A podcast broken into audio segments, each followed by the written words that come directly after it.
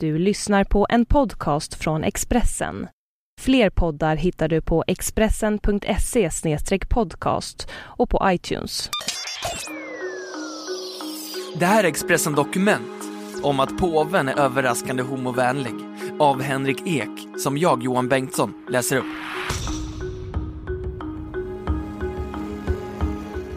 Ryssland förbjuder homosexuella att propagera för sin sexuella läggning. Samtidigt överraskar påven Franciscus genom att välja en mjuk linje och närmast välkomna homosexuella präster till katolska kyrkan. För att komma från påven är det väldigt stort, säger Linda Ivarsson, ordförande för EKO i Göteborg. En organisation som värnar om hbtq-frågor i kyrkor och kristna samfund.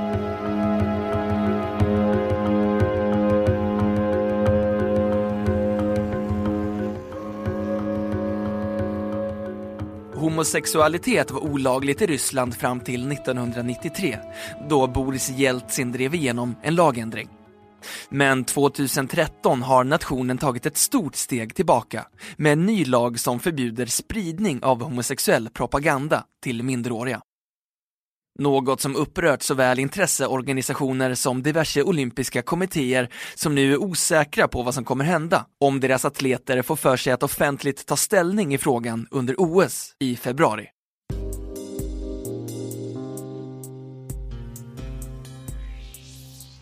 Att framträda med symboler som regnbågsflaggan kan idag leda till böter, fängelse och deportering. Nyligen flög påve Franciscus hem till Vatikanen efter att ha besökt Brasilien.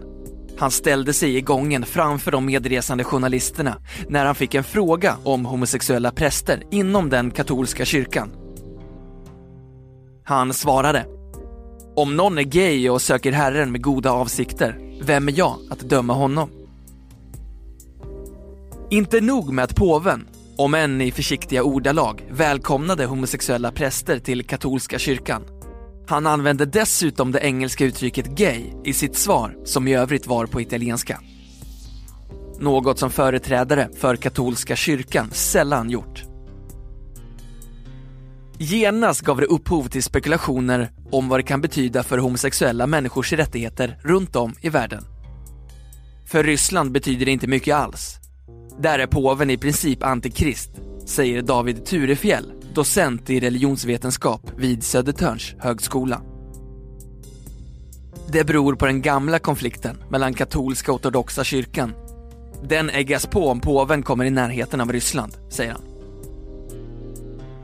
Men i Sydamerika och i Afrika samt på Filippinerna, starka katolska fästen, kan det spela större roll. Det är den enda religionen där man kan säga att det här är vad de tror på. Det är en så toppstyrd organisation. De har en katekes som beskriver deras troslära och synen på homosexualitet, där akten är en synd.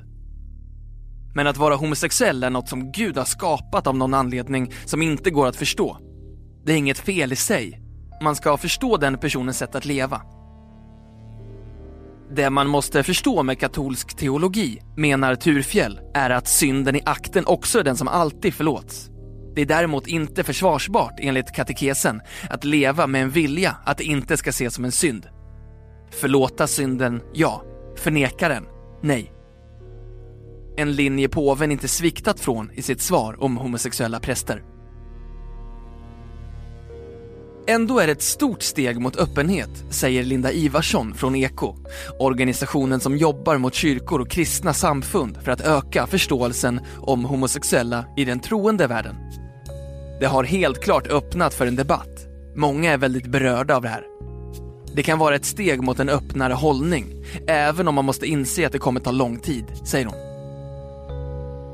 Hon poängterar att Sverige är långt ifrån perfekt, trots att vi tillåter homosexuella biskopar och samkönade äktenskap i våra kyrkor. Jag läste i en artikel i Göteborgs-Posten nyligen att fem kyrkoherdar, alltså chefer över kyrkor här i Göteborg, fortfarande vägrar att viga homosexuella par. Så även om det inte är en fråga nationellt längre, så är det fortfarande lokalt, säger hon. Eko har inte många medlemmar från katolska kyrkan, men kan spekulera i att det beror på den traditionellt strängare synen på familjen. Jag vill använda ordet traditionell Det är en annan bibelsyn och en annan gudssyn, men framförallt en annan människosyn.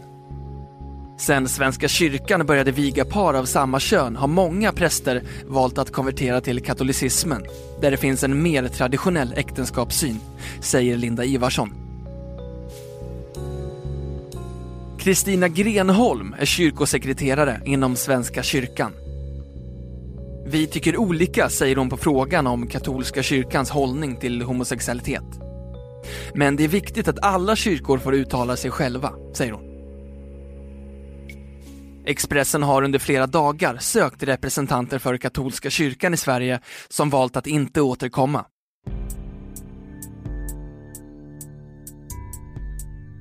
Kristina Grenholm menar att även om påvens svar går att förminska eftersom han inte tagit direkt avstånd från att det är en synd, så är det ett viktigt erkännande. Det är ett borttagande av skam.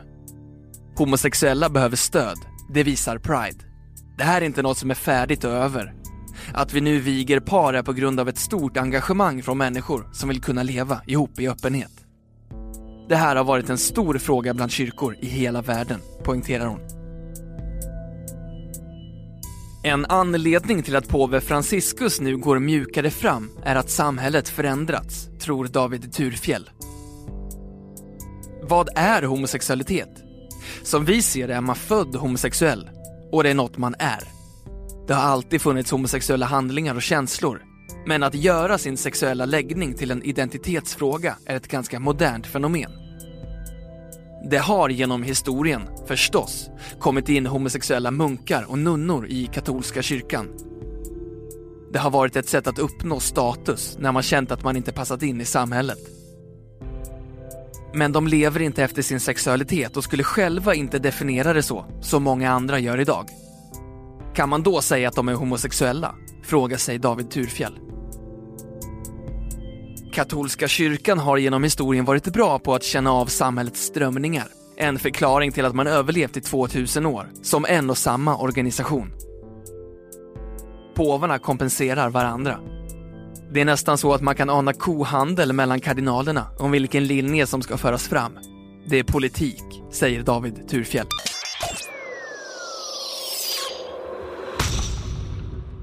Du har hört Expressen Dokument om att påve Franciscus är överraskande homovänlig av Henrik Ek, som jag, Johan Bengtsson, har läst upp.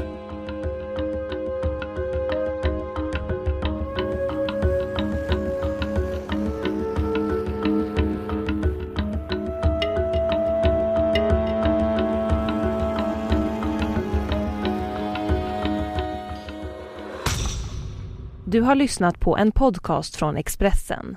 Ansvarig utgivare är Thomas Mattsson. Fler poddar finns på Expressen.se och på iTunes. Ett poddtips från Podplay. I podden Något Kaiko garanterar östgötarna Brutti och jag, Davva, dig en stor dos skratt.